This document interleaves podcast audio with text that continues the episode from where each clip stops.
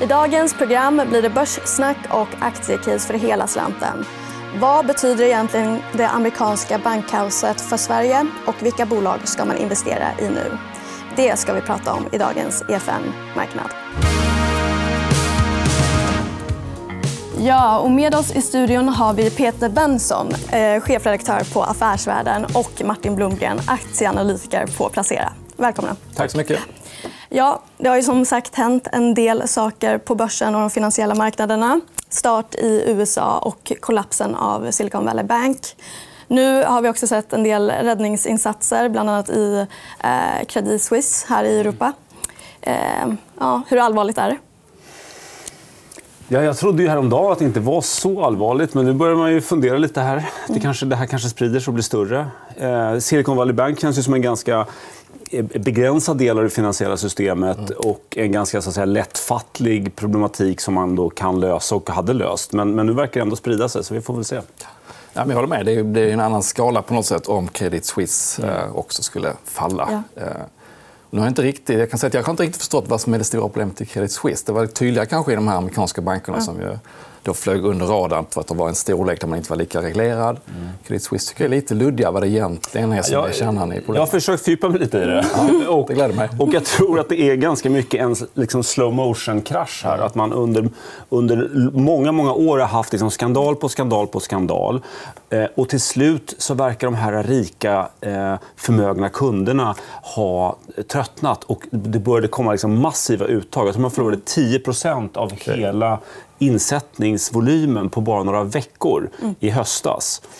Eh, så det är liksom en, en, en, en, de röstar med fötterna och drar. Mm. Eh, och, och eh, som sagt, ingen bank klarar ju stora uttag ja. hur länge som helst. Nej. Nej, det är det som är speciellt med den sektorn. Att det är litet eget kapital stora skulder och när någonting händer, ja. när det är stora prisrörelser kombinerat med stora skulder, så blir det ofta inte bra. Och är du schweizisk storbank så har du ju inte massa småsparare som omfattas av insättningsgaranti. Utan då har du massa rikingar mm. som kanske har mm, miljarder. Mm. Och, och, och, de är ju rätt måna om att inte hamna, sitta i fel bank. Så att mm. säga. Det känns ju då som att det här kan sprida sig vidare till andra banker i Europa. Eller vad säger? Jag vet inte. Det känns lite som att marknaden bestämmer sig för en bank i taget när det är såna här drev. Och nu är det Credit Suisse och sen så mm. kommer man ju säkert lösa det här på något sätt. Det, det tror jag verkligen man kommer göra.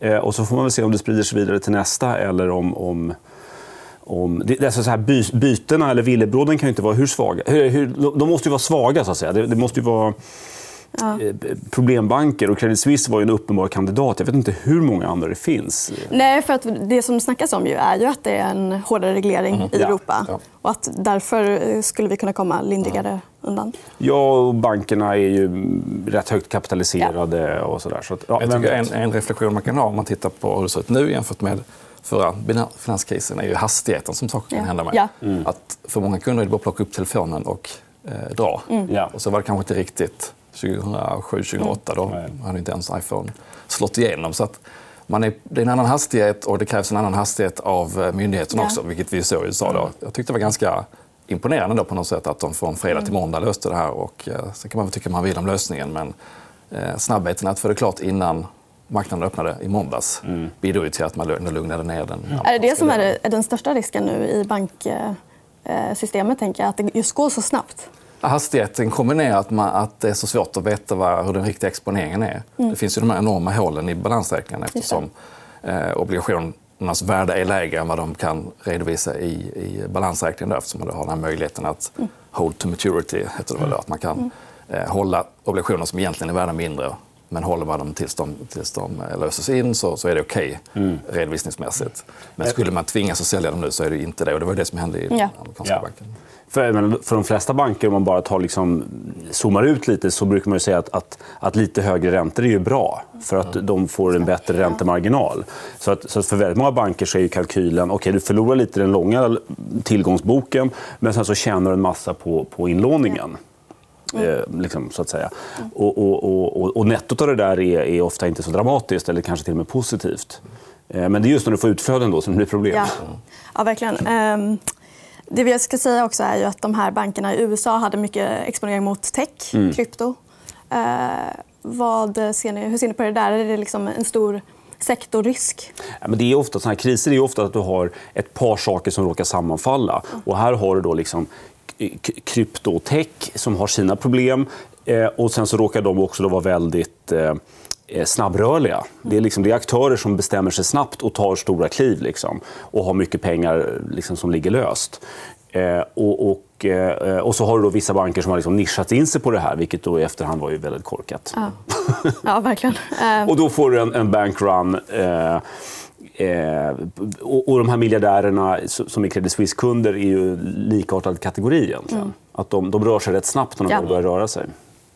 Vi får toucha lite också på det här med mm. Alecta. Mm. Eh, jag vet att du har pratat lite om det tidigare. Eh, men det är en stor investerare i mm. i alla fall två av de här bankerna. Eh, de ska ha förlorat ungefär 12 miljarder kronor, mm. som jag förstår det som. Mm. Kanske 20 om det här First Republic skulle ja. falla. Också. Är det fel i analysen eller är det väldigt oförutsägbart, de här händelserna som har skett nu? Ja, men det, det är svårt att, att, att, vara annat än kritisk, faktiskt. Mm. Alltså, det är ju väldigt eh, eh, klantigt att ge sig in i, i, så svåra tillgångar och gå in så tungt också, ja. tycker jag. Mm. Det måste jag ändå säga. Jo, tar man bort de här indexfonderna så är det, om jag förstod det rätt, så var de största ägare i SVB. Ja. Mm. Och eh, som jag tror du uttryckte det på Aktuellt, att om man ger sig på jaktmackor som man inte är så van vid så ökar risken för otur. Ja. Så enkelt är det. Ja. Ja, verkligen.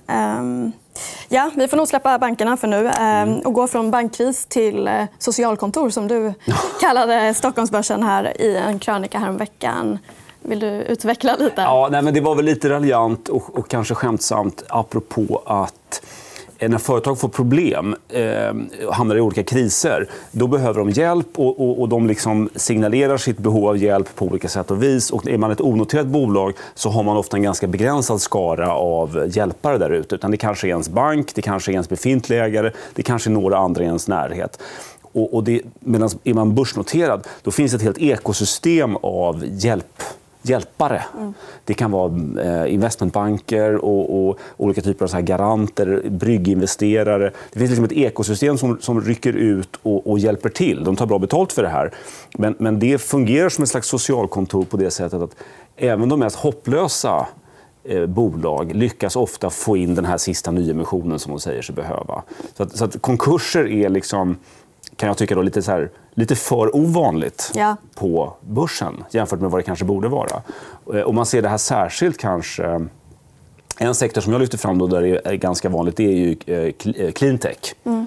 Alltså där det ofta finns en vilja att tolka det som att ja, men nu, nu, nu är de nära ett genombrott, nu fixar vi det här. Bara de här sista 100 miljonerna så, så ska det här nog bli bra. Liksom. Mm. Eh, och det där är... Eh, jag moraliserar inte så mycket över utan det är mer bara att man ska känna till att det finns den här... Ja, men du kallar det för zombiebolag, om jag minns rätt. Det fanns vissa som liksom egentligen borde ha gått under, kanske, men levde kvar på börsen ändå. Ja, nej, men det finns ju precis. Det, det kan, det kan vara såna som inte så att säga, förtjänar att överleva men som ändå får vart och vartannat år så, så lyckas de få in en nyemission till som gör att de kan leva vidare i liksom, sorgligare och sorgligare skepnad, men ändå leva vidare. Eh, det som är bra med det här systemet det är om det är friska bolag men som kanske haft, har tillfälliga problem. Jag tror jag lyfte mm. upp Desenio, det här affisch, ja. affischföretaget. Som är, men det är ju inget fel på den verksamheten egentligen. Eh, men lite högt belånad. Och, och de kommer säkert lyckas överleva eh, tack vare att de är på börsen. Medan de var de utanför börsen så kanske de skulle varit, gått under redan. Och jag tänker så här, för småspararnas del, vad kan det ha för konsekvenser? Är det lättare att lockas in i såna här eh, bolag? Ja, alltså jag, jag, tycker man ska vara jätteförsiktig med de här långkörarna som är emission på emission på emission. Liksom. Det är så stor risk att det där är ett, ett zombiebolag. Mm. Det, är lättast att säga i efterhand vilka som är zombiebolag men, men, ja. men det, det är ett sluttande plan som man ska se upp med. Liksom. Ja, men det var min reflektion när jag läste krönikan mm. också. Att man som småsparare eller som placerare måste tänka lite på vad, vad är det den här vdn eller styrelsen mm. säljer. Om det är Atlas, eller Sandvik mm. eller SKF. Då har de ju råd på något sätt att ge en rättvisande bild ja. av risker och möjligheter.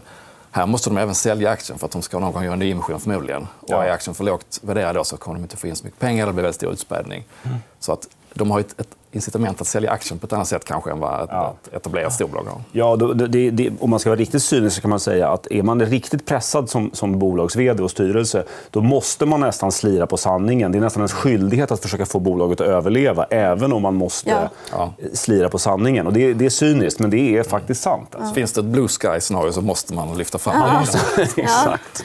Ja. Mm. Eh, optimistiska vd men kanske ni är lite mer pessimistiska. Då.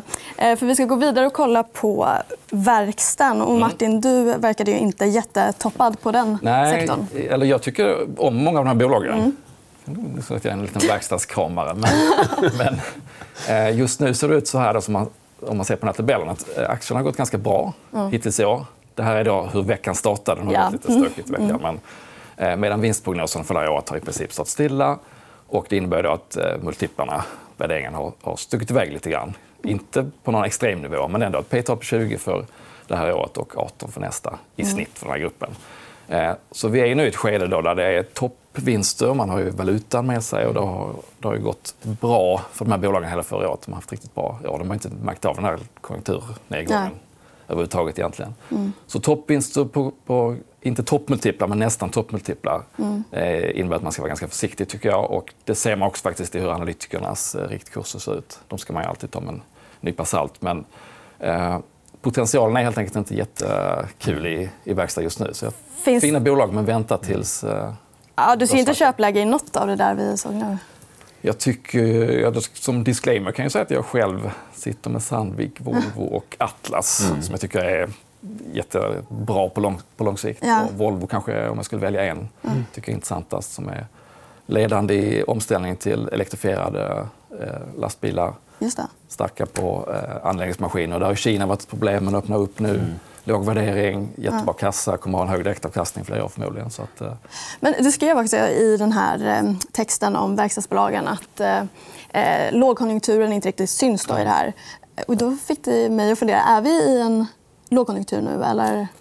Alltså, som konsumentbolagen är ju det. Ja. Man tittar på Electrolux, och, ja, Byggmax, och BHG och, och med flera. De är ju i en lågkonjunktur. Men de här bolagen har inte sett det än. Och det är väl för att det kommer en eftersläpning, eh, konjunkturen. Och det finns också väldigt starka krafter som ligger på något sätt ovanpå konjunkturen med mm. energieffektivisering och nearsourcing. Och, eh, ja, det finns andra trender som är så otroligt starka som gör att, och långa orderböcker, mm. åldrande flotta på lastbilar. Det finns väldigt många saker som gör att, mm. att det ser bra ut fortfarande. Men eh, jag tror att orderingången har börjat vika i vissa fall. Atlas till exempel. Och det kommer vi nog se lite mer av nu. Har du någon eh, syn på verkstadsbolagen? Jag är också eh, jävig som Volvo-aktieägare. Mm. Eh, men kan ju bara dela det här att det är förvånansvärt dyrt. Mm. Men det tycker jag ofta de här fina verkstadsbolagen är. Mm. Jag menar Atlas och Alfa och sådär. Mm. Så, att, så att, det är intressant. Ja, och många, av dem, många av dem har ju visat i tidigare nedgångar att de klarar sig bättre kanske än vad man mm. tror. Mm. De har en bredare exponering. Och de har då både geografiskt och mot sektorer som faktiskt klarar sig bra även i en mm. generell lågkonjunktur. Mm. Nu lämnar vi verkstaden ja, och går vidare på roligare köpcase. Här. Vi har eh, New Wave Group som du tog med dig, Martin. Ja. Vad ser du i det här bolaget? Ja, men här ser jag, om man tittar på kurvan här så ser man att de har haft en fantastisk utveckling. Och bakgrunden till det är ju att de har eh, utvecklats väldigt bra operationellt. Rörelsemarginalen som länge låg på 7-8 mm gick rakt igenom 10% upp till målet på 15% 2021 och sen landade de på 17% om jag inte minns fel, mm. förra året. Eh, och anledningen är att de, nu får de utväxling på de här eh, investeringarna de gjort i många av sina starka varumärken. Craft är det som mm. sticker ut mest. Eh, men det man såg på slutet där då är ju att den har dykt med 30 tror ungefär, mm. från, från rapporten. Mm. Och det, anledningen till det är framförallt att Torsten Jansson, vd, flaggade för att den här marginalen vi har nu den kommer att spädas ut lite av att vi behöver investera och ta lite kostnader framåt. Så att, eh, marginalmålet på 15% ska vi ligga kring, men det kommer tillfälligt att bli lite neråt. Så då blir marknaden väldigt rädd. Mm. Ja, så det är lite nyckelfrågan om de kommer att dyka under 15% eller om de klarar sig kvar. Ja, du pratar om de här investeringarna. Är det det här vi ser då? Det här är bland annat det vi ser. Ja. Eh, och den här skickade med som ett, jag tycker, ett kul exempel på eh, hur de, de har tagit Craft, som tidigare var kanske mest känt för att vara underställd för skidåkare, ja. till att bli ett bredare sportvarumärke. Inte bara att de har gått in på fotboll, handboll och, och volleyboll och andra sporter, utan att även de, de kan erbjuda någonting som Adidas och Nike kanske inte kan då till en, en klubb som ja. kund till en klubb. inte bara matchställ och eh, träningskläder till alla unga som spelar i en stor breddklubb utan även eh, New Waves andra produkter där de finns på eh, ja, men, ölglas och eh, man ser här, kläder till vaktmästeri, köksutrustning, eh, vanliga profilkläder helt enkelt. Så att de kan komma med ett erbjudande som, där man kanske kan ha en annan ingångsvinkel än vad Nike och Adidas kan ha. Härligt. Den viktiga idrottsutrustningen ölglas. Exakt, det är det viktigaste av allt. Har Affärsvärlden någon syn på... Ja, vi har ett köpråd på New Wave. Ja. Eh, jag funderar på om vi möjligen tog bort det nu i närtid. Mm. Tittar jag på kurskurvan så hoppas jag lite det. Men det har varit ett bra köpråd i varje fall, tror jag. Mm. Eh, men vi är imponerade av dem. Mm. De är duktiga. Liksom. Och, mm. och, och, det finns ju någonting, tror jag, med att med, med, med, distansarbete och hybridarbete och sånt där, att, att, att det ökar ju behovet och även kanske budgeten för att eh, profilera ett företag eller liksom knyta ihop en organisation. Som de gör mycket. Liksom. Ja. Det man har hört lite snackas om i New Wave är ett stort lager. Ja, ett enormt lager. Ja. Mm. Eh, hur känns det då, om vi går in i en lågkonjunktur? Och... Ja, men tidigare har det ju känts dåligt. Men nu har, har de ju visat att, mm. att, det finns faktiskt, att det är motiverat att ha det. Därför mm. att det är så otroligt viktigt att kunna serva kunderna snabbt. Eh, och de har också kunnat visa att mycket av det laget de har är ju inte modekänsligt. Mm.